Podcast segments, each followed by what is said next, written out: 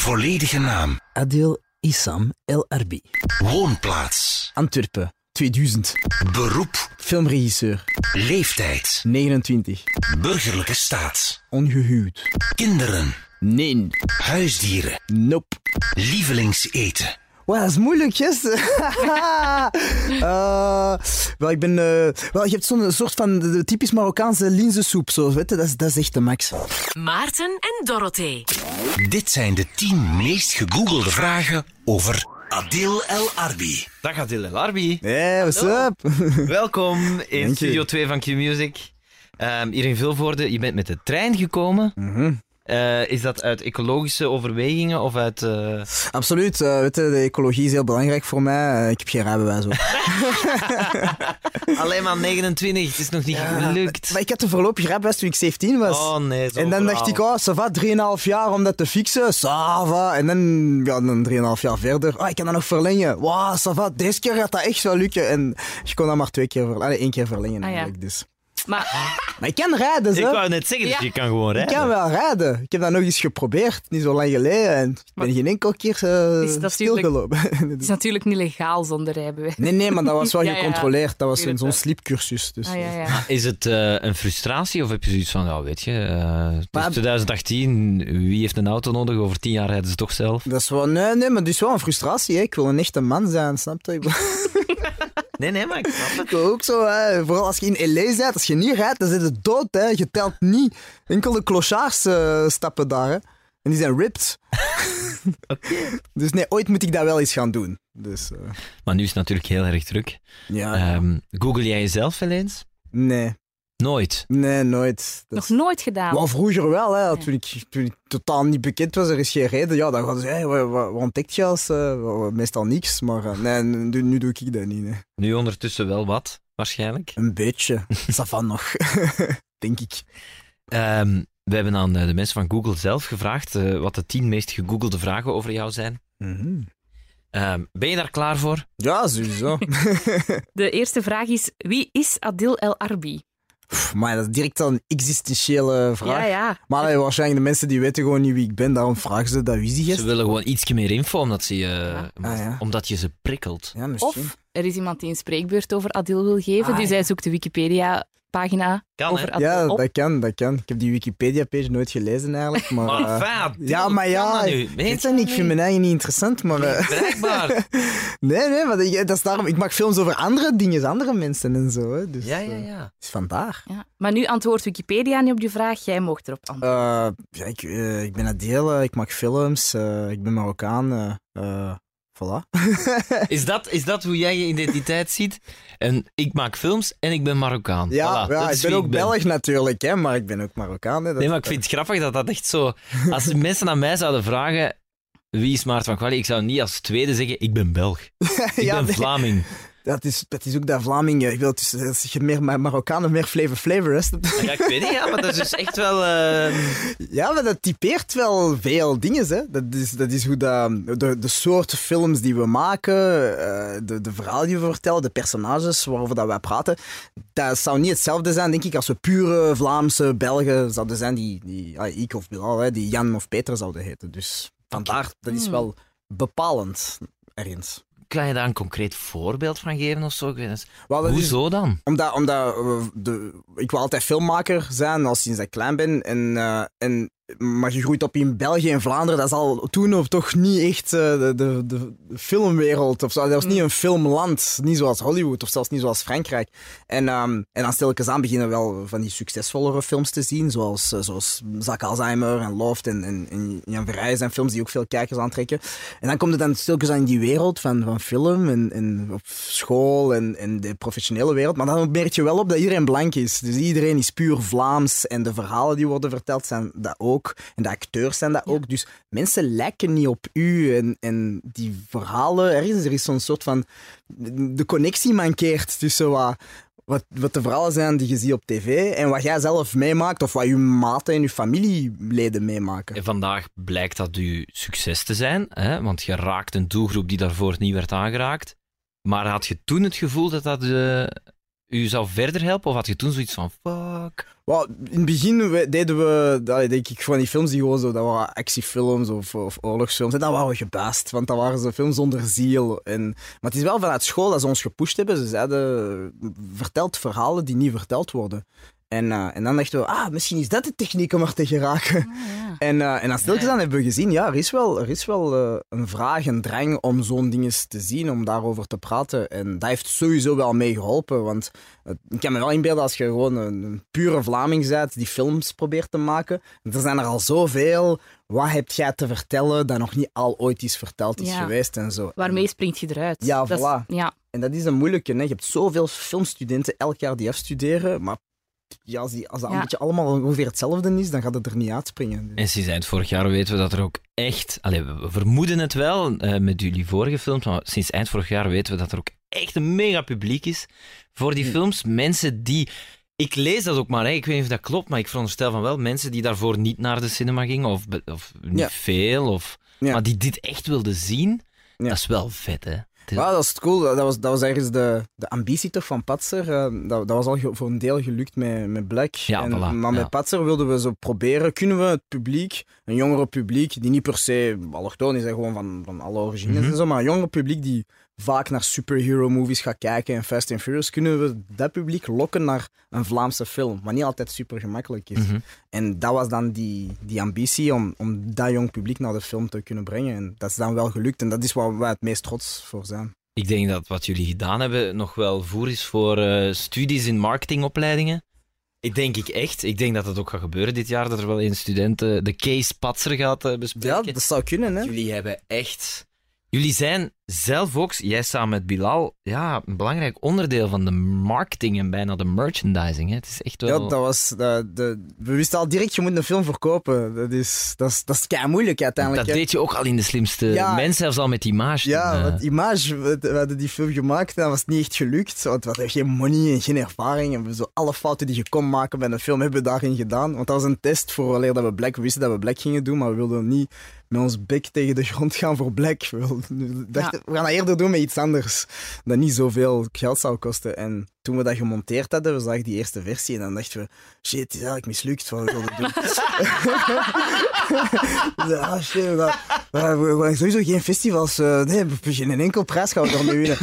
Bon, laten we dat gewoon verkopen, gelijk een motherfucker. Want we hadden ook zo juist voor Wall Street gezien. Dat personage van DiCaprio die zegt, je kunt alles verkopen. Je moet gewoon, gewoon blijven. ja, en welk ja, product, dat maakt niet uit. Dus wij dachten, oké, ik ga gewoon naar slimste mensen en dan gewoon zoveel mogelijk voor 1 miljoen mensen zeggen, check image, check. En voilà, dat was de hoofdintentie. Dus, eh, dus dat is altijd wel gebleven. Ja. dan. ja, de slimste mens is, wa- is waarschijnlijk wel heel belangrijk geweest. Ook in de marketing en bekend worden. En, Ja, ja, dat is, dat is echt, je wordt instant bekend Ja. daardoor. En ik wist ook niet, ik keek niet zo vaak naar de slimste mensen, dus ik wist niet hoe populair dat, dat was. Dat was Ja. pas, pas na, na een week. Ik zag dat echt op een week tijd dat ik super bekend was ineens. En maar ik woon Zot, in hè? Brussel en daar kijken ze er niet naar. Dus in Brussel merkte ik dat niet op. Maar van het moment dat ik in Vlaanderen kwam of in Antwerpen, iedereen keek naar mij en dat was fucking weird. Ik dacht altijd, wat is je probleem? Maar wel respect voor die crew van de slimste mens, dat die ja, jou er hebben uitgepikt en gezegd, we gaan die gasten vorm geven, want we geloven Ja. daarin. Ik had dat nog geweigerd. Ik had, eh, want je doet café-testen zo voor de slimste mensen. En, en blijkbaar had ik zo vrij hoge punten gehad. En, en dan heb ik geweigerd. En, eh, en Erik van Loo heeft mij gebeld van... Nee, ik moet toch wel meedoen. Want eh, Allee, man. hier raken. Maar, maar ik was bang. ik dacht zo... ja, ik snap dat Ik wil mij niet belachelijk maken voor 1 miljoen mensen. Hè. dus, eh, Ja, ja, dat snap ik. Maar dat is niet gebeurd, hè? dat is, ja, dat is wel ik ga nooit meedoen met de allerslimste mensen. Die, die weiger ik sowieso. maar dat gaat niet gebeuren, hoop ik. Hè. Dat Tot Erik belt. Nee, nee, nee, ik ga wel iets fixen dat ik niet kan komen. We zullen zien. Zullen we naar de tweede vraag gaan? Ja. Eh, waar woont Adil El Arbi? In Antwerpen. Ehm, en, maar toch lang in Brussel ook, hè? Ja, ik heb wel lang in En- Brussel gewoond. maar ik studeerde in Brussel en de eerste twee films waren in Brussel. En met alle files enzovoort is het gemakkelijker om in de stad te wonen waar dat je gaat draaien. Dus Ah, eh, we zo. wisten toen, we gingen Image maken en, en, en Black juist na elkaar. Dus we wisten dat we daar toch wel twee, drie jaar minstens moesten blijven. En, ehm, en vandaar in Brussel. En mijn vader is van Brussel. En, dus dat was wel... Ja, want ik heb soms moeite om jou te pinpointen. Eh, soms denk ik, ah ja, hij is van de stad. En dan denk ik, ah nee, maar is eigenlijk een Brusselaar, want je hebt dan ook eens een prijs gewonnen. eh, Ja, eh, ja, dat, dat was, maar, maar eigenlijk, ja, mijn vader was, is eigenlijk van Brussel, maar daarna is hij naar Antwerpen gegaan. En ben ik, ik ben dan in Antwerpen geboren en opgegroeid in Antwerpen. Oké. En daarna gaan studeren in Brussel. En hij was dan tegen dan ook terug in Brussel. Ja. En daar kei lang gebleven. En, en, en heel die periode gewoon in Brussel. Dus je bent eigenlijk gebleven. 50-50. eh. Ja, ja, maar het is wel, ik ben wel geboren in Antwerpen. ja, meer Antwerpen, meer Antwerpen. Een beetje meer tikkeltje toetski meer Antwerpen. Toch wel. Aan welke school heb je eigenlijk gestudeerd? Eh, kleuterschool heb ik eh Sint-Lutgerdis, eh, waar ik Nederlands heb geleerd. Maar het was een meisjesschool, dus, eh, dus daarna moest ik naar de jongensschool. Ah. Sint-Jan Bergmans College, die nog een jongensschool was voor een jaar. Dat is echt stad-stad. hè. Ja, dat is stad en katholiek, eh, Ja, ja, ja. uniform en shit. En, eh, en dus, dus, dus eh, twaalf jaar lang Sint-Jan Bergmans College. En daarna Sint-Lucas Brussel. Als je zegt, daar heb ik Nederlands geleerd, wat kende je daarvoor dan? Dat Frans? was Frans. Ja, en Frans. Arabisch? Ja, Arabisch. Ik spreek niet echt veel Arabisch, maar ik, ik verstond het wel. En thuis was het enkel Arabisch en Frans. Dus mijn moedertaal van wat ik spreek was Frans. En, In Antwerpen zelf. ja, in Antwerpen, ja. Vond je, vind je dat een nadeel? Dat je dan pas op je zes jaar... eh, Eh, ja, ik ben begonnen van drie, vier, vijf jaar. Het is pas ja. in zes jaar dat ik dan vooral Nederlands, dat ik, dat ik wel Nederlands dan kon. Maar ik vind dat wel goed, dat is, dat is handig. Hè? Dat heeft ervoor gezorgd dat we ook films in het Frans kunnen maken. En, en dat is altijd handig. Nederlands is ça va, hè? maar Frans is een beetje een bredere taal. Ja, ja, dat wel. Absoluut. Wonen Bilal en jij eigenlijk dicht bij elkaar in de buurt? Nee, totaal niet. Bilal is van, eh, van eigenlijk, dat is ook moeilijk te pinpointen waar hij vandaan is, want dat varieert naar gelang de conversaties. maar van wat ik me herinner, hij is van Zavend en veel voor de Diegem-achtig. Zo, dat is die, al de rand Ah, ja. van Brussel. Ehm, dus dat is van waar hij is. Dus nee, hij is totaal andere leefwereld. Eh, ik heb hem pas leren kennen op eh, Sint-Lucas, Brussel eigenlijk, toen we films zijn gaan studeren. Gaan jullie soms bij elkaar op bezoek voor de gezelligheid? Nee. Of zien jullie elkaar echt genoeg? Nee, we, zie je, 80% van ons tijd is films. Dus 80% van ons tijd zien we elkaar. Dus die over 20 zo ver mogelijk. Dat is ook niet waar, want jullie zijn samen naar de, naar de Run to You party Ja, geweest. maar hij heeft een auto. Ik heb geen rijbewijs. de fuck raak ik daar aan? En je hebt daar dan eigenlijk toch ook weer Patser gepromoot. Ja, ja, dat dus ook wel. Als het een beetje patser-related is, dan, dan, Ja, dan ja. ga ik wel aan Bilal. Hè. Bilal- Dat is ook daarom dat ik nog geen rijbewijs heb. Hè. Ja. Bilal is my ride, meestal. Als je het dan daarnet hebt over, eh, ja, we kwamen aan de filmschool toe en ja, we sprongen er wel uit. Als, als, ik was Marokkaan en heel veel blanken. Is dat dan daarin dat jij en Bilal elkaar zo wat sneller hebben gevonden? ja, dat was eigenlijk... eh, Bilal was de, de gast die mij heeft aangesproken, want ik sprak tegen niemand. Want ik was twaalf, als je twaalf jaar lang op dezelfde school bent, en je twaalf jaar lang ook vaak met dezelfde mensen, ineens komt je ergens, je kent niemand. En ik zo de eerste week, ik was gewoon in shut the fuck up modus. Zo. Ik, ik durfde niet te praten tegen niemand. En Bilal, die, die, was, die, die was al zo Will Smith, zo... ah, super luidruchtig. En dan kwam hij naar mij en zo en zei, hé, hey, wat is je naam? Adil, is je Marokkaan? Ja. Ah, broeder! en dan direct klikte dat gewoon dat ik Marokkaan was. En, en, en vanaf dat moment hebben we gewoon samen films gemaakt. Dus, eh, maar dat was wel zo dat hij begreep wel exact van waar ik kwam. En, en je moest eh, Ja. je moet het minder aan dingen aan elkaar uitleggen. Hè. Hij weet wat dat betekent om Marokkaan te zijn in, in België, in Vlaanderen en zo. Hoewel, zijn, hoewel dat veel voorde en de rand van Brussel anders is dan, Ja. dan Antwerpen. Want je hebt nog het Franstalige aspect die er nog bij komt. En leg dat eens uit, is dat dan moeilijker of minder moeilijk? Maar in zijn geval is het nog complexer. In Antwerpen, wel, het, het lastige van Antwerpen is, Antwerpen was toen toch in de jaren 90 fucking racistisch tot de dood. Hè. Dat was echt zo, Vlaams Blok was mega populair en zo. Maar tot daar het complexe aspect. In, in de rand van Brussel, je hebt nog het Franstalige die echt heel belangrijk is. En Bilal was een Marokkaan, maar hij was wel een Vlaming. Dus hij sprak Nederlands. Hij sprak niet Frans. Hij sprak thuis Nederlands. Ja, hij spreekt thuis Nederlands, hij spreekt op straat Nederlands. En veel mensen van Marokkaanse origine, wel, je moet Frans klappen, of anders hoorde er niet bij. Allee, dus dat was, zo, dat was dan een driedubbele Oh. verwarring van identiteit en zo. En, en een heel harde clash tussen de Franstaligen en de Vlamingen, die, die, die ik nooit heb gekend. Eh, Ja, als hij veel voor de Diem is opgegroeid, ja, dat leeft natuurlijk dat, wel. Hè. ja, ja Eh, dat, is, dat is hardcore daar. En Ja. in Antwerpen, ja, dat is, dat is gewoon allemaal Vlaams. Hè. Ah, ja. Goh, jongens toch. Als we het hebben over ehm, waar je woont. eh, ik kan me misschien wel voorstellen dat mensen, omdat je in Hollywood al wat hebt gedaan en zo, heb je dan ook zo'n Hollywood crib. Of hoe ziet uw huis eruit? Nee, totaal niet. Eh, ik ben waarschijnlijk de armste regisseur van Hollywood eh, op dit moment. En dat is normaal, blijkbaar. Dat is, dat is ook, er is een reden waarom dat wij de jobjes krijgen in Hollywood. Het is omdat we goedkoper zijn. Eh, Omdat, ja, als, als, als je de kans krijgt om een grote Hollywoodfilm te doen, maar je loon is, is kei weinig, wat ga je doen? Ja, sorry, man. Nee, ik ga hier gewoon in België. Nee, maar nee, ga sowieso ja zeggen op eender wat dat ze je aanbieden. Gewoon al het feit dat je daar naartoe kunt gaan. Ja, Eh, en voor hen is dat super, eh, super goedkoop. Hè. Dan kunnen ze meer geld aan de acteurs dokken en, en al andere Amerikanen. Dus, dat is, dat is, dus wij verdienen nog niet genoeg geld. Dus ik heb gewoon een, een appartement die ik huur. eh, eh, omdat ik ook niet weet hoe lang dat ik hier blijf. Dus dat zou stom zijn om iets te kopen. Ik ken het ook nog niet. En, ehm, en dat, is, dat is gewoon eh, normaal. Dat is niet te gigantisch. Hè. Dat is, dat is, maar daar, in, als ze u betalen, eh allee, ze u de, de, uw crib betalen, dat is wel next level wel. Dus dat is fixen wel. Ik weet het niet, je hebt het al meegemaakt dan? Ja, eh? maar dat is niet een, dat is niet een gigantische Hollywood crib, maar ze doen nu zo'n zo'n ding, dat, dat is zo van die appartementen die zo loft, eigenlijk zo van die loft, eh supermoderne dingen. En je hebt een zwembad en, en een fitness en, en dat is super fancy schmancy. En dat heet zo, de plek waar wij waren voor zes maanden, dat heette The Level. En dat was echt next level. En dat was ik en Bilal en de cameraman, die ook een Belg is. En we waren daar echt gelijk koningen. En, eh, en onze cameraman regelmatig zei, hey vergeet niet, we zijn hier zwaar boven ons standaards aan het leven. Dat gaat, dat gaat pijn doen als, als we terug in België gaan. Dus, nee, ik ga dat niet gewoon worden. Nee. Ik terug naar België, op de zolder bij Bilal zijn ouders ge- gemast hè, voor een maand. Dat was wel eh, de matras op de grond. Dat was wel even een contrastje, een shock. Ja. Maar dus dan snap je het wel als je zegt van ze betalen ons niet superveel, maar de, de ervaring is gewoon Ja, cool. En, en ze zoeken een plaats voor je om te wonen in Hollywood ja. en zo. Ze fixen u aan een auto en ze geven u wel, eh, ze geven u wel alles zodat je.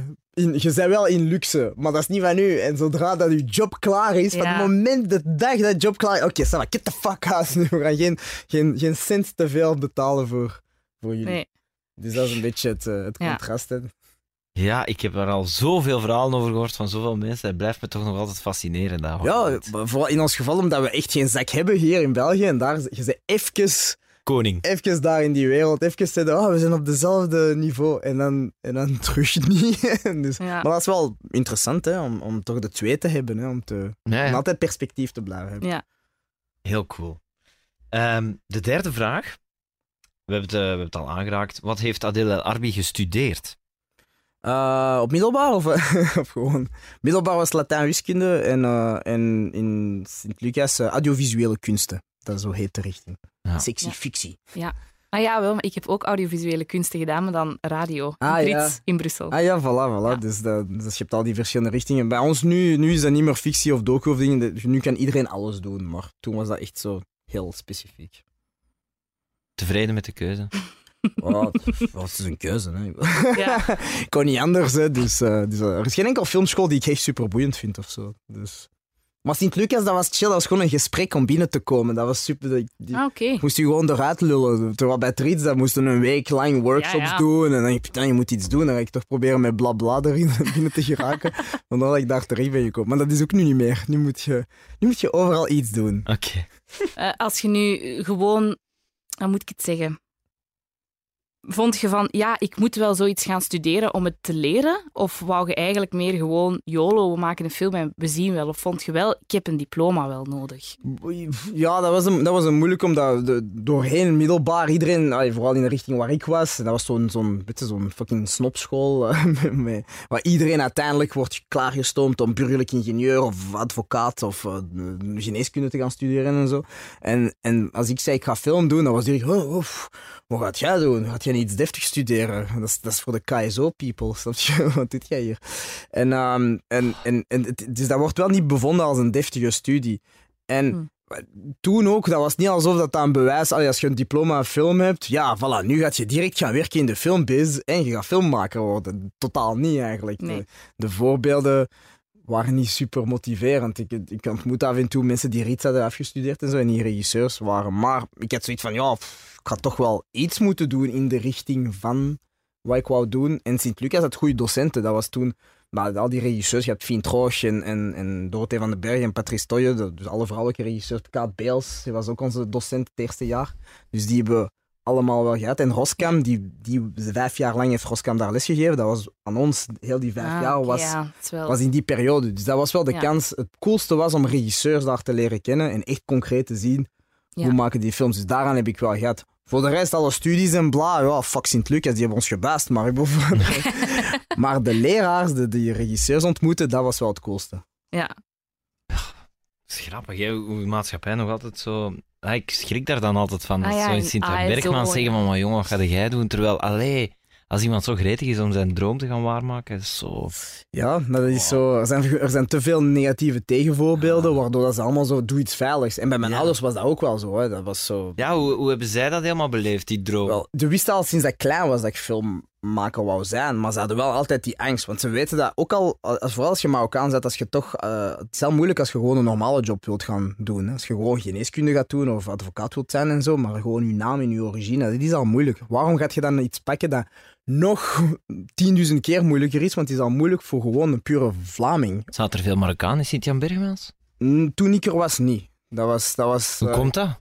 omdat, omdat ja, dat, dat, dat was heel streng. Ik weet, dat, is, dat is moeilijk te zeggen, maar dat was wel een, een school. Er waren andere scholen die nog blanker waren dan dat. Eh, dat was wel een stadsschool, nu is dat heel gemengd, maar toen was dat heel strikt. En, en Sint-Jan was wel iets meer opener dan de andere gelijkaardige scholen, waarbij dat ze echt zoiets hadden van we gaan niet te veel buitenlanders binnenlaten.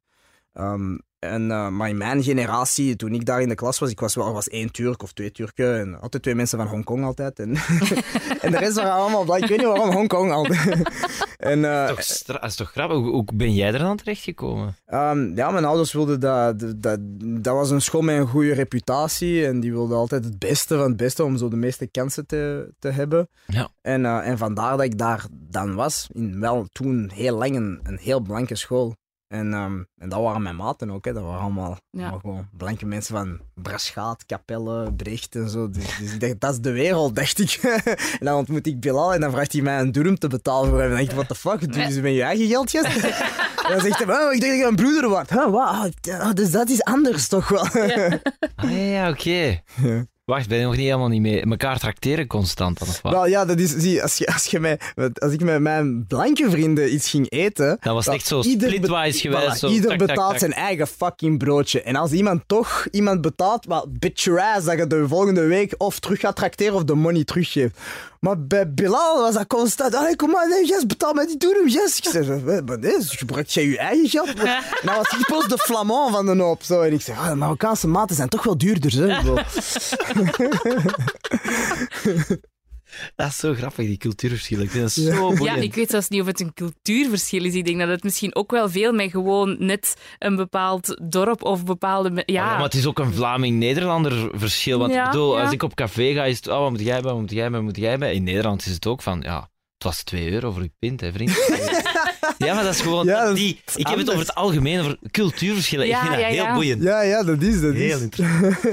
eh, als je zo zegt van, ik, ik heb altijd geweten dat ik film wou maken, hoe weet je dat dan? Allee, of van waar komt dan zo die liefde voor film? Maar dat is, ehm, nou, toen ik klein was, ik had zo, weet je, vroeger hadden, hadden zo van die klasgenootjes, boeken, weet je, herinnert je je dat? Vriendenboeken. Vriendenboeken, Ah, ja, ja, ja. Dus iedereen had zo zijn fotoke en dan schreef je, wat is mijn hobby, bla bla. En Ja, toen ik ja, ja. zeven jaar was, had ik geschreven acteur in Hollywood. Want toen, ik wist nog niet dat er een regisseur was. Ik dacht gewoon, Hollywood, ik acteur, ik vind dat cool.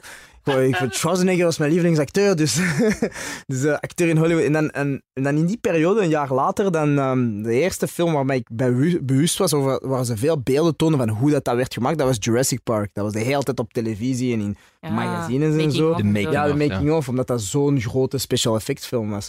En, eh, en dan denk je, oh, er is dus een gast met een pit en een baard en een bril die dat bepaalt allemaal, die dat maakt. En, en dan ontdekt dat die gast alle films heeft gemaakt die, die ik had gezien. Dus dat was E.T., Indiana Jones, ehm, Jaws toen nog niet, maar dat was, eh, dat was al de Close Encounters. Dus ik dacht, oké, dat is de job die ik wil hebben. Ik wil die gast zijn. Dat was eigenlijk, ik wou echt Steven Spielberg zijn. En vanaf dat moment, van acht jaar, wou ik, was mijn droom om gewoon Steven Spielberg te zijn. En daarna Oliver Stone en daarna Scorsese. Allee, dat was altijd wel een andere regisseur. Maar van dat moment tot... Heb je van die mensen al, al mensen ontmoet of gezien van dichtbij? Of, eh? Nog, van die mensen nog niet, maar wel mensen die ermee hebben gewerkt. Vrienden van hen, mensen, die, die van, mensen van mijn crew, die hun crew waren. Want dat is wel het coole als filmfan om in Amerika te werken, is dat iedereen die op uw set is, op de grootste dingen hebben gewerkt waarvan je zo'n grote fan van bent. Hè. Je Ja. kunt vragen, de, ah, bijvoorbeeld de, onze regieassistent was de regieassistent van, eh, van bijvoorbeeld Breaking Bad. En dan denk je, oh, hoe was dat op de set met Breaking Bad? Of ons decorbouwer heeft met Spielberg gewerkt. En, hoe, hoe is dat met En wat was je toen aan het maken? Was dat die Snowfall? Dat was Snowfall, ja. Ja. ja. Dat heb ik eigenlijk nog, ik heb het nog niet gezien. Het is een Eh, reeks die... Ja, dat was de, ja, de reeks. Je kunt die zien op BTV bij de Waal, bij de Franstalige. Die was op BBC 2, ehm, op Kanaal Plus, maar die duurt nog even voordat dat, dat, dat hier komt, denk ik. Dus eh, we zullen zien of het misschien... wel, misschien komt dat nooit hier, maar in Amerika zijn ze, zijn er al een tweede seizoen aan toe. Oké, Ah, ja. cool. Vet. De vierde vraag is: op wie is Adil El Arbi verliefd? Ah, verliefd. Wow, dat is sowieso op mijn vriendin, hè. dat is gemakkelijk, hè. Dus dat is op Nina, hè. Dus, eh voilà. Zijn jullie al lang samen? Eh, ja, zes jaar. Ja. Wow. Ja, al even. En komt ze soms mee naar Hollywood? Ja, soms. eh, d- ah, ze doet kostuums voor, eh, voor onze films. Ze heeft alle kostuums gedaan van, van Blijk van Patser. Ehm, maar het is wel het is moeilijk om mensen van uw crew hier naar daar te brengen. Het is al moeilijk voor ons hè, met de werkvisums, waar dat de studio veel moet, voor moet betalen. En je moet lid zijn van een vakbond. En een vakbond in Amerika zijn zeer protectief van hun eigen mensen. Dat is zo dat protectionisme van Amerika. Dus het ideale zou zijn dat ik haar meepak en dat ze kan werken op onze filmsets. Maar daar doen ze wel voorlopig niet zo gemakkelijk over. Hetzelfde bij onze cameraman. We kunnen niet, het is altijd onderhandelen wie kunnen wij meepakken van Ah, hier. oké. En we hebben nog niet die, die macht. Maar probeert wel mee te gaan zo, zo lang mogelijk. Hè. De laatste keer was ze wel veel maanden bij mij. Maar dan moet ze ook eens naar België gaan om te gaan werken. Ze gaan niet drie maanden op vakantie blijven. Nee, nee. Dus wel. Maar het is waarschijnlijk wel fijn om, eh, als je dan zo lang weg moet, om ook de optie te hebben om dan samen bijvoorbeeld naar Hollywood te gaan.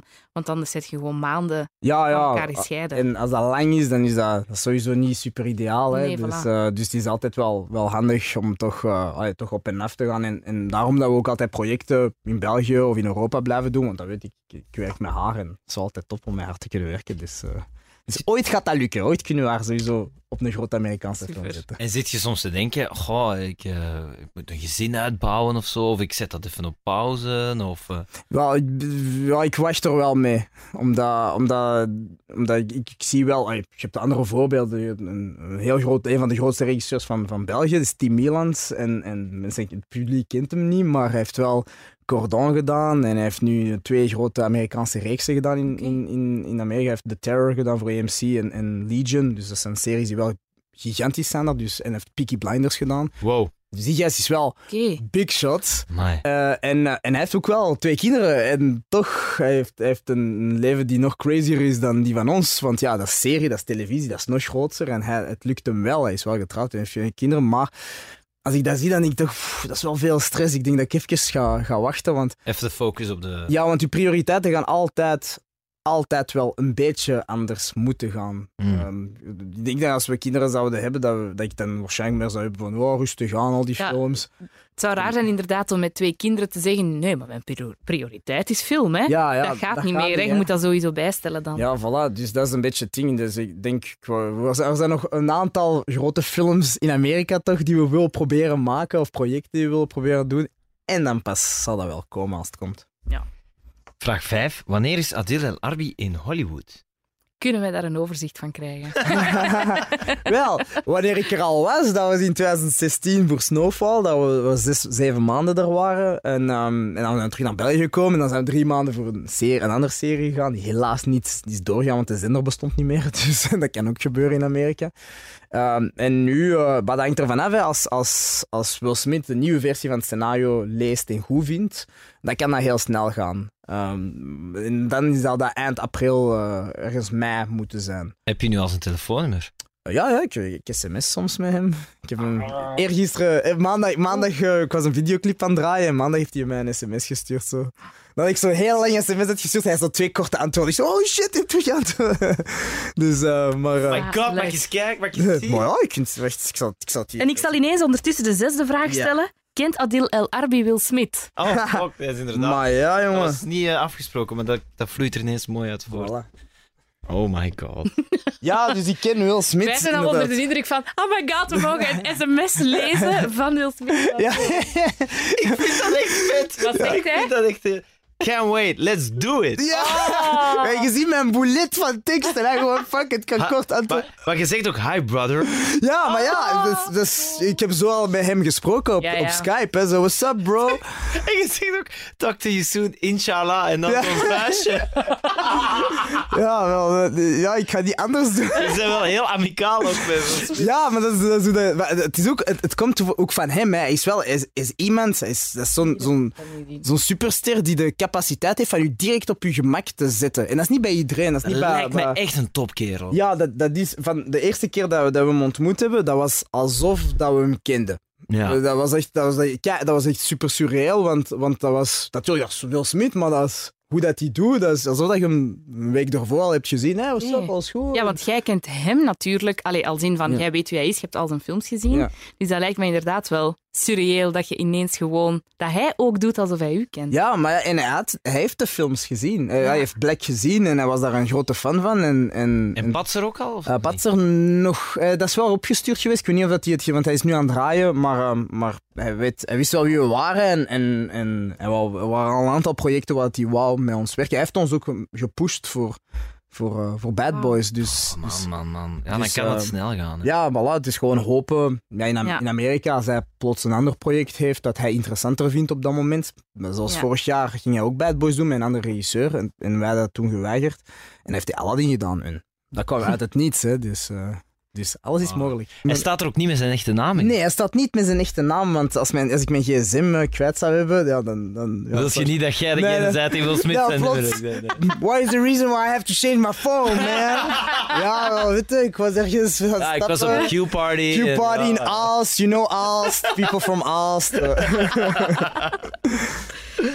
Maar, Oh. eh, hoe gaat het dan eh, concreet, het moment dat ze je misschien gaan bellen van oké, eh, let's do it, pak Ja. je valies en hoe gaat dat dan in zijn werk? Wie belt u dan of, of hoe wordt dat in gang gezet dat je moet Ja. komen? Nou, normaal gezien hangt er vanaf. Dat is ofwel de agents die u dan bellen. ehm, dat is de, onze agents. Dat is, dezelfde agents als die van, van Will Smith en de producenten en zo.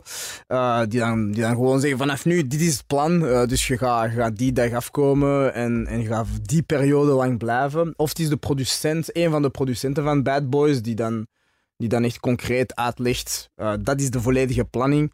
En je moet tot dan beschikbaar zijn en niks anders doen. En, eh, en, en we gaan draaien in die periode enzovoort. Dus, eh, dus basically bellen ze u om. Ze, ze durven wel te bellen om te zeggen: kunnen morgen afkomen. Dat doen ze wel vaker. Goh, jongens. dus, dus dat doen ze wel regelmatig. We zijn vaak, vaak, de laatste keer dat we naar LA zijn gegaan, dat was vaak drie dagen ervoor dat ze ons belden van, you gotta Oh. come. Dus- Ja, want je was toen bij ons in de studio en dan zei je, ja, ik verwacht telefoon van de Will. En dat kwam dan twee dagen later. En twee dagen later, ja, basically, waren jullie. moesten Ineens weg, op de stories, hey, patser. Hollywood, Hollywood. Ik dacht, huh? Zo snel gaat dat, dat is echt. Dus je moet stand-by blijven. Dat is hoe dat Hollywood werkt. Hè. Oh, jongens, toch. Zijn er naast Will Smith nog andere mensen die je zo al hebt leren kennen, waar je zo positief van onder de indruk waart? Ehm, maar ik, Margot Robbie kennen we wel al langer eigenlijk. Dat, is- dat was een van de eerste actrices. Van Wolf of Wall Street ook. Ja, hè? van Wolf of Wall Street en, en eh, Harley Quinn van ehm, Suicide Squad. En de recente Ja. I, Tonya ook. En die, dat was een van de eerste personen met wie dat we gesproken hadden. Dat was al in Ja. 2015. Ze had Black gezien en zo direct met ons eigenlijk een project doen, zo snel mogelijk. Man. Dus, eh, dus eh, als producenten, maar ook als actrice. En dat is een, een persoon die we wel once in a while eens horen. En, en Ja. super chill persoon. Echt een kei intelligente vrouw en, en normaal. Wel Ja. een strenge, dat wel. Maar Mark Maar- Maarten zijn kop niet te zot. Met al die dingen. Zo'n prachtige ja, vrouw. ik ken haar man ook heel goed. haar man is onze bro. Maar weet je wat ook vet is? Die is van 1990, geloof ik. Dus die is Ja. twee jaar jonger als, als jij. Nee, dat is ja, van, ja. van mijn geboortejaren. Ja, ja, dat is Allee, soms... En die is huge, hè? De spanningen is soms daarom, hè. Snap je? Dat is zo, dat is zo. Soms heb ik zoiets van, je zei, jongen, waarom zit je tegen mij aan het zeggen wat ik moet doen? en, en haar man is ook jonger, waarom zit jij aan het zeggen tegen mij wat ik moet doen? Want die is ook producent. En, en- maar dat is wel lachen, weet je, omdat... Uiteindelijk was het allemaal zo'n groepje jonge mensen en zo. En, en dat is wel... Dat is wel Ga je daar dan ook soms naar feestjes? Eh, ja, soms, soms heb je zo, eh, ja, zo Hollywood parties, allee, zo, zo house parties. Dat is wel lachen soms. Ah, jongen, jongen. Ik heb ooit eens Robert Pattinson en Pamela Anderson gezien. Ik zeg, rare combinatie eh, die op een Wacht, feestje. Robert Pattinson, help me even. Is dat Twilight. van Twilight? hè? Ja, Rob hè? Pattinson. Waar die elkaar aan het binnen doen dan? Nee, nee, nee. Ah, die waren, ik denk dat ze hadden samengewerkt aan een film en de regisseur was er ook en zo. En, en, maar zo'n, voor Hollywood is een vrij kleine wereld. We zijn ooit eens geweest op een eh, Lifetime Achievement Award van, eh, van Ridley Scott. En dat was echt, pff, ik weet niet hoeveel acteurs. Dat was Matt Damon en Russell Crowe en Josh Hartnett. We- we En ga je dan zo met een glas cava erbij staan? of- Ja, wel, bij, in dit geval, we, we- onze tafel, we aten aan dezelfde tafel. Van, waar Jo- naast mij zat Josh Hartnett, Ben Kingsley en, en Sigourney Weaver. En, Wow. en wij waren daar, ik heb Bilal zo van, "Puta, pas op hoe dat je eet, geen, geen saus, je pas op. je-" We hebben ons bekken schouwen zo voor een uur. Zo. Dat was uiteindelijk Sigourney Weaver die gewoon bij ons is beginnen klappen, want wij durfden gewoon niks te zeggen. so, who are you guys? so, we directors from Brussels. Like, toen was het nog Brussel. En Josh Hartnett en Ben ah, I will give you my number if you want to have us in the movie. En, en daarna zijn we, zijn we nog gaan chillen. De, Bilal is gaan feesten met Russell Crowe. Die had hem Tuurlijk. wel- Die had Ja. hem wel graag. Selfie keer gedaan en de Russell Crowe wou per se zelf die selfie trekken. Ze zei, maar nee, dat is niet goed, dat gaat niet goed zijn. Maar ik... Bilal en Russell Crowe, dat zouden volgens mij nog wel goede kameraden zijn als ik die zo qua profiel zo, die- ik zie die Ja, nog wel ja. samen, samen pinten pakken. Zo. Dat is zeker dat. eh, Russell Crowe was op een bepaald moment zo, zo murrig zo. En, en Bilal had zo'n hoedje en die was de hele tijd aan het flashen op dat hoedje van Bilal. Hij zei, Bilal! Bilal! En dan moesten we doorgaan, want het was laat. We moesten gaan. Maar Bilal, where are you going? ik was gewoon met Ridley Scott aan het klappen de hele tijd. En Ridley Scott die gebruikt meer scheldwoorden dan ons. Hè. Dat is overdreven. Dat is altijd zo, yeah, fuck it man. Just, just you know, executives, they fuck your movie up. You know. So, yeah, we edit our movie. Yeah, just edit your fucking movie yourself. You know, no, no fucking edit. A fucking... Oké. Sir, sir, Ridley Sir Scott. Ridley Scott. Ehm, vraag 7 hebben we eigenlijk ook al aangeraakt, is te gezellig. Eh, zijn Adil en eh, Bilal vrienden? Eh, Het zou wel moeten. Ik hoop dat jullie toch iets of wat overeenkomen. Het leven zou anders niet echt aangenaam zijn, vermoed ik. Ja, ja, tuurlijk. Ja, dat, is, dat, is, dat broers, maar we maken ook veel, veel ruzie hè, buiten de filmset. Is, eh, het is constant ruzie. Constant ruzie? maar ja, vaak, hè, vaak. Hè, zo van irritaties, snap je? Zo. Maar wel eh, meteen out in the open. Ja, ja, ja, ja. Dat is, dat is- Anders, als ze zo'n dingen etteren, dan... eh, Nee, nee, maar dat is altijd, weet je, ze heeft een andere levensfilosofie dan ik. Hè?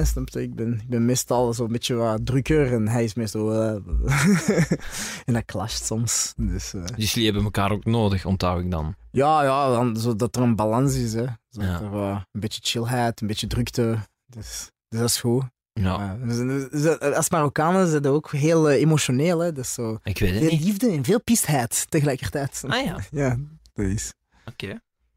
Ja, vrienden, dus, maar jullie zien elkaar wel dus niet buiten de... Bah, pff, af en toe op een Q-party, dan wel, hè, maar, eh, maar voor de rest is het, het is vrij verdeeld. Zo. Wat zijn zijn sterkste kwaliteiten? Eh, wel, eigenlijk zijn perfectionisme, zo. die is echt ziekelijk perfectionist. Wat, wat een minpunt is, maar vaak wel een pluspunt. Het is wel, vaak ga ik wel zoiets hebben van, ja, ik is goed genoeg, ik ben ook zo'n content. En nee jongen, dat sukt. ah ja, ah, sukt dat? Oh, dan had ik het niet gezien. Eh, dus we moeten toch een beetje beter ons best doen. Dat is wel een goede een goeie kwaliteit van hem. Oké. Vraag 8 dan? Ja. Hoeveel verdient Adil El Arbi? Te weinig. nee, niet veel, hè. Niet veel. Je hebt ons ooit eens verteld, eh, toen we hier beneden iets aan het eten waren, dat jullie altijd samen moeten werken en dat jullie ook één loon krijgen met twee. Ja, dus dat is wel de realiteit. Nu op dit moment met, met ons, dat, het kan evolueren. Dat is hopelijk ooit evolueert dat, dat, dat Adil en Bilal zo een merk zijn. Dus als mensen de Adil en Bilal combinatie willen, dat mensen daarvoor betalen. Maar op dit moment kunnen we dat nog niet doen. Dus dat wil zeggen dat, dat, dat de, de loon van één regisseur, er is nog geen enkel job geweest waar mensen de dubbele loon willen betalen. Eh, ze doen een compromis, ze gaan een beetje meer dan wat ze voor één regisseur zouden geven. Maar het is altijd wel gedeeld, nog altijd. Gedeeld door twee. Vandaar ook dat we twee keer, eigenlijk twee keer zoveel moeten doen om, om, om de loon van één regisseur te hebben. Ja. En- Maar dat is een keuze ook die wij doen, want we zijn beter samen. We doen, we doen gewoon beter werk samen. Maar ja, dat wil zeggen dat je altijd wel, eh, dat je altijd wel een knipje doet in... Omdat het weinig gebeurt. Omdat regisseurs meestal alleen zijn. Ja, en, en je blijft nog altijd wel in, vaak in competitieve eh, dingen, situaties. Hè. Dus er is altijd wel, voor Bad Boys zijn er andere regisseurs, voor, voor al- alle andere projecten zijn al- altijd andere regisseurs. Dus een productiehuis die gaat altijd die overweging doen van, het is een geraaien dat ze goed zijn, die twee, want eigenlijk kunnen we goedkoper voor ene gaan. Ja. En vaak, als, als er één regisseur is van wie ze het gevoel hebben van, eigenlijk is die even goed, wat is de reden dat ze ons zouden vragen? Dus daarom is dat nu op dit moment nog, nog moeilijk. En in Hollywood, we hebben wel met meerdere mensen gesproken, is dat het begin van Hollywood, je verdient eigenlijk geen zak. Het is pas als je film uitkomt en een kastsucces is, dan pas dat Ja. dat, dat, Dat je kunt wordt. vragen voor je volgende film. Ja, inderdaad. Dus, dus de regisseur nu, de regisseur van Black Panther, ik denk niet dat hij een gigantische loon heeft gekregen om Black Panther te maken. Hij had wel just Creed gedaan en dat was Ja. wel een heel groot succes. Dus hij heeft wel iets kunnen vragen, maar het is niet spectaculair geweest. Maar Maar, nog nu... dan, Black Panther was toch huge? Dat is toch Ah, die wel. Marvel Ja. met, met Een eigenlijk... miljard dollar hebben ze op. Ja, Ja. en nu. Ja. Maar nu, doordat hij een miljard dollar heeft opgebracht, heeft hij waarschijnlijk Ja. het miniem percentage. Maar zijn miniem percentage, dat, dat gaat 10 miljoen opleveren minstens of zo voor hem. Is zoals de regisseur van Jurassic World, die heel weinig heeft gekregen, maar de film heeft ook meer dan een miljard opgebracht. En zijn percentage heeft hem 10 miljoen opgeleverd. En daarna, de volgende film dat hem vraagt, dan kan hem wel een volle pot vragen. Maar totdat die film, tijdens het maken van die film en totdat die film uitkomt en succesvol is, die gast van Jurassic World voor hetzelfde geld, ja shit, ik moet een fucking mortgage betalen en mijn kinderen naar school brengen, die, die, is- die is met mm, kop boven water net. Terwijl hij wel Jurassic World aan het maken is en heeft Ja, ja. gemaakt enzovoort. Goh, En dat is wel de realiteit van, van Hollywood. Ja. Duurt even. Oké. Dat je acteur bent. is zo. Ja, dan moet je ook wel eerst een goede. Dat is waar. Je moet het geluk hebben dat, dat, dat, je, dat je een succesvolle acteur bent. En dan kunnen we zo drie, vier films per jaar doen en een fitte check vragen. Ja. Kunnen jullie acteurs van hier meepakken naar daar? Dat is een heel moeilijke. Dat is ook heel moeilijk. Dat is... eh, Je kunt niet zeggen, ah Wil, ik pak de Matteo mee. eh ja, de Younes. we zouden, dat kunnen, we zouden- dat kunnen vragen, maar dat zou... eh, de- je moet echt een productie... Je moet de producer overtuigen enzovoort. En Het is een machine. Je gaat moeten vechten voor elke functie van hier, ga je moeten vechten. Dus wij, wij vechten voor onze cameraman. Allee, er wordt, wordt duidelijk gezegd wie, met wie zouden willen werken. En dan, en dan, dan, zeggen ze, dan zeiden ze al, al die functies die je hebt opgesomd, gaat iedereen moeten ditchen voor die ene gast. Dus dat is... Ja. Totdat je Paul Verhoeven bent en je doet wat je wilt, hè, maar... Heb je zo van je eerste loon, dat dan misschien niet zoveel was, maar heb je daar zoiets speciaal mee gekocht of zo? Eh, nee. Nee, nee. maar dat is iets wat veel mensen doen. Hè? Zo eerste loon en dan... Mm, Ja, nee, maar ik, ik, koop eigenlijk... Ik ben niet zo... Ja, ik, ik, ik heb, geen, ik heb geen rijbewijs, dus ik kan geen auto kopen. dus ik ben niet zo is wel materieel... veel, veel geld uitgespaard natuurlijk, geen een auto kopen. Dat is waar, dat is waar, inderdaad. Maar ja, nee, niet echt iets speciaals. Ik denk gewoon, eh, de kleren in Amerika zijn goedkoper dan hier. Zo, als je zo, zo, ja, de merkkleren, dat is veel goedkoper. Dat is echt zo. Dus daar gewoon wat kleren gekocht. Maar ik denk gewoon eten. Ik, denk, ik spendeer alle money aan eten. Dus ik denk wel dat ik zo een paar zo van die chique restaurants ben gegaan. Om eens te zeggen, gewoon, ik wil Ja. even de, de patser in een restaurant. dat wel, maar, Zalig. maar niet echt... eh, Dus niet zo materieel, maar wel geld kunnen geven aan iets waar dat je ja, geniet. ja, het is, Ja. het is zakelijk eten eigenlijk. Ja. Ik vraag me nu wel af, stel de Will eh, gaat mee en je gaat Bad Boys doen. Hoeveel euro zou je daar dan voor verdienen? Maar met wat zou je dat kunnen vergelijken? Eh, voor Bad Boys, wij zelf. Want ik ga je nu geen bedrag vragen, want dat is misschien ook te moeilijk. Maar is dat dan gewoon een, een jaarloon van wat je hier Eh, als bediende zou krijgen? Of, nee, nee, nee. nee, Je krijgt veel meer? Nee, nee, het is, het is, ja, het is altijd gedeeld door twee. Je, je, je, je hebt een loon en je deelt dat door twee, omdat we met twee zijn. Maar je geeft ook nog 30% af van de... Nou, 10% aan de managers, 10% aan de agents en 10% aan de lawyer. Uh, dat is ook het, de een realiteit. Ah, wel, wat jij overhoudt. Wat ik overal... Ik denk als we... Je kunt er... Je kunt er wel een appartement mee kopen in Antwerpen. Met wat jij zou overhouden aan Ja. Bad Boys. Ja. Ja. En Wel dan oké. moet je een job fixen. Want je gaat niet gewoon wee, niet meer werken. Nee, dat gaat niet. Dat is eigenlijk, stel nu dat die van Jurassic World, wat Jurassic, die van Jurassic Ja. World, ehm, als, als Jurassic World zou geflopt hebben, wel, dan had hij misschien wel een appartement kunnen kopen, maar dat had hem nooit meer kunnen werken voor de rest van zijn leven in Hollywood. En dan was hem genukt. Dat, dat, dat, dan het, Dan- Ja, ja, ja. Dus gewoon, het, je, je bedoelt van, je kunt het vergelijken met een appartement, maar dat zal dan wel leeg zijn zonder eten en je kunt geen elektriciteit. Dat is gewoon Als- even de vergelijking met een appartement, maar ja. Ja, voilà, je koopt een appartement, maar je, dan kun je ongeveer eh, ja, acht maanden leven en, en, en, Ja. en, en that's it. Hè. Voilà. Als, je, als er niks van job binnenkomt, Voilà. dan gaat het niet... Dan, dat, is, dat is niet Ja, chill. ja. En maar dat- dat is wel vrij goed betaald, maar het moet er wel op zijn om nog verder te kunnen werken. ja. Dus Ja. het is, het is ça va betaald, eh, maar natuurlijk... Je, de- Je hebt ook al keiveel, keihard gewerkt om, om tot Ja. bij Will Smith te geraken. Maar die hè. film kost wel 100 miljoen. Voilà, het is dat dus. dus dus, dus die eh, ons, ons percentage is zo miniem. eh, Ja. de, de- wij moeten wel werken, als, we moeten blijven werken. Dat Ja. is, eh, je kunt niet chill zijn. Nee. Ja, oké. Spannend, jongen. Spannende wereld. Heel cool. Eh, dan zijn we bij de voorlaatste vraag al, de negende. Adil El Arbi, dubbele punt, fitness. ja! Dat zijn blijkbaar twee zoektermen, Adil en fitness, die eh al wel Oké, dat in is goed. Maar je bent ineens breed geworden ook, hè? Ja, maar ja, ineens. Allee, ja. Zo, eh, ik, ben, ik ben eigenlijk al lang bezig, maar ik, ik heb van alles en nog wat geprobeerd en zo. En, en, maar ik ben ook laat, snap je? Dat is echt veel werk. Maar ik had dan een, een trainer, die, Carlos Schram heet hij. Hij was zo vroeger een wereldkampioen MMA-fighter. en hij speelt ook in onze films en zo. En hij wil een acteur worden. En echt heel getalenteerd. En met hem, begin, begin vorig jaar, met hem beginnen trainen. En die is hardcore, dus dat is echt geen bullshit. En dan constant met hem in de fitness en zo. En ook thai-boksen met hem. Hij heeft echt direct op mijn muil geslagen de eerste keer. Blauwe ogen en shit. En, eh, en ja, die is wel fucking intens. Dus, eh, en, en ook met andere mensen gesproken enzovoort. En via Instagram kun je veel, met veel mensen spreken. Veel mensen geven tips en zo. Ja, ik moet deze niet eten. Deze, je moet zo op die manier trainen. Maar waarom wilt je zo'n Ja. patser worden? Allee, fysiek Ah, dan. Ik weet het niet, ik ben daar nooit geweest. Dus ik dacht, ik moet dat één keer ooit eens meemaken. En daarna niks doen en gewoon bierbuikjes. maar Bilal was vroeger, toen ik Bilal juist leerde kennen, hij is nog altijd breed, hè, maar Hij dat is was, breed, hè? hij Ja. was echt een topsporter. Dus ik was, ik was graadmager. Ik woog 70 kilo of zo en ik deed nooit iets van sport. Dus ik was echt super skinny. En hij was wel de beest. Weet je? Hij, hij was een bokser en een voetballer en die deed fitness. Dus zeven dagen op zeven ging die feesten. feesten eh, ging die sporten, eigenlijk nooit feesten. En, en eh, dat als je de hele tijd met hem bent en, en, en, Ah, en een beest en, eh, en hij Ja, zegt ja, altijd... ja. Jess, je moet echt beginnen trainen. Je moet Eh, of, of je moet eten, Jess. Ik ga je een hamburger in je, in je. Ik zeg, maar ik eet wel. Nee, je eet niet. Constant, constant. En dan beginnen door te hebben. Ah ja, oké, oké. dus spieren, dat is toch wel iets mannelijks. Misschien moet ik dat eens doen. En ja, na een tijdje wordt dat... En ook in L.A., iedereen doet dat. Dat is ook dat is een cultuur daar. Iedereen sport.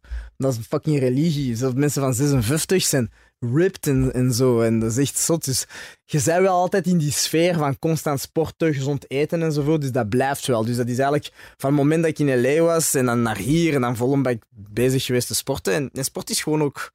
Dat is goed. Dat is een soort van drugs. Hè. Dat, je vergeet veel stress daardoor. Ik heb Bilal eh, toevallig gisteravond nog half naakt gezien. Oh. Eh, Ah. In Tabula Rasa. Want Ah, ik ben ja. het aan het checken op Netflix. Ja, Ik ja. wist helemaal niet dat hij acteerde. Ja, ja, ja. Die acteert erin. Ja, Een is. Griek speelt hij. En de Griek, Mozes. De Mozes, Een ja. relatie heeft met heel de familie.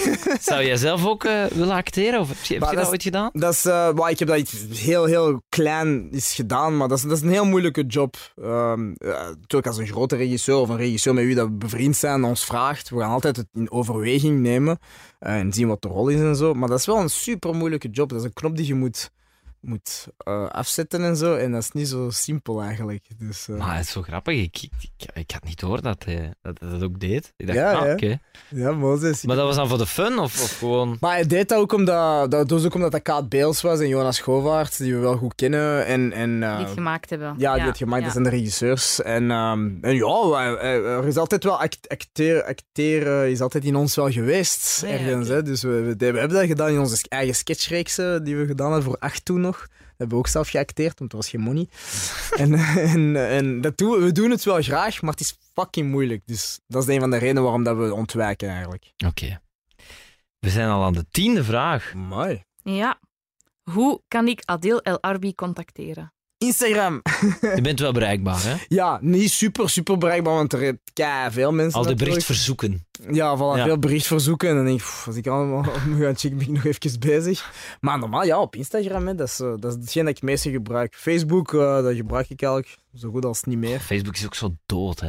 Maar ja, Facebook is passé, hè. Dat is zo... Dat is, dat, is, dat is eigenlijk raar van te zeggen, maar het Facebook waar dat je zoveel bulletjes van tekst en, en diepe dingen... Instagram is een simpele Facebook. Dat is gewoon, mensen willen niet Ja, meer... ja. Mensen willen geen diepe shit meer lezen. Willen niet meer een politieke statement of een whatever. Die willen gewoon foto's. Ah, foto's, like. En Facebook is ook zo veel. Het zijn pagina's, reclame, Ja. vrienden, eh, dingen waar je fan van bent, eh, evenementen, berichten. Oh my god, berichten op Facebook. Dan zegt iemand, ja, maar ik heb u daar in een bericht gestuurd op Ja. Facebook. En dan denk ik, oei, Ik heb je check dat nooit. Oh. Of uitgenodigd. Ik ben al op feestjes niet geweest, omdat ik Facebook niet had gecheckt. Ja, ja, ja. Ja, Vol een bak. waar. Ja. Dat, dat, ik denk dat dat zoiets aan het worden is als zo... Zoals dat je vroeger een adresboekje had of Ja. zo. Dat dat zoiets wordt van, je hebt wel Facebook en je kunt eens iemand zoeken of Ja, eens een keer... Ja. MySpace, hè. eh, ja. Maar zijn tijd, man. Nee, maar inderdaad, ja, Instagram, omdat dat is gewoon simpel. Dat is, dat is, ja, dat is, eh, Instagram is ook goed voor kunstenaars natuurlijk. Er is veel, veel bullshit op Instagram, maar dat is, dat is, ja, dat is een, een link als je vooral... Maar je amuseert ook te pletter met stories en zo. Ja, ja, toch wel. Ja, Oh, soms jongens, wel. gewoon in de file staan. Zo hilarisch. Ja, dat is, we zouden een serie van moeten maken. Zo, Adeel en Bilal in de file. Zo. Ja. Meestal zijn Ja. we pist altijd. Dus, dat, is, dat is het enige ding dat je ervan kunt doen, hè, met de file. Maar valt het mee, mensen die je proberen contacteren? Gewoon, of niet alleen Instagram, maar gewoon langs overal? Merk je zo dat het soms wel zo, dat mensen heel eager zijn Ja, u- dat is wel dat is na, na, na gelang de periodes natuurlijk. Hè. Ja. Als we in Amerika waren, lange tijd, en, en we waren al even niet meer in de media, dan nu, maar nu pff, is dat terug veel. En weet je, we proberen altijd, allee, ik probeer altijd mensen te antwoorden of toch iets te doen, maar tijd, dat gaat gewoon niet. Je- die- Nee. dat, dat is een job apart eigenlijk. Dus, ehm, dus dat is altijd wel lastig, of soms spijtig dat je mensen moet teleurstellen, want ja, je kunt niet altijd op iedereen tuurlijk. reageren. Je kunt ook niet alles regelen wat Nee, mensen nee, vragen. Ja. Veel mensen die willen acteren enzovoort, die zeggen, ja, ik kan je wel een, een website geven, maar het is, niet, het is niet alsof dat er morgen is er een casting en dus je gaat dat goed doen en er komt een rol en ik heb 15 films die ik ga maken dit jaar. Ja. Allee, dat, dat, dat gaat niet, hè. Dus, Nee.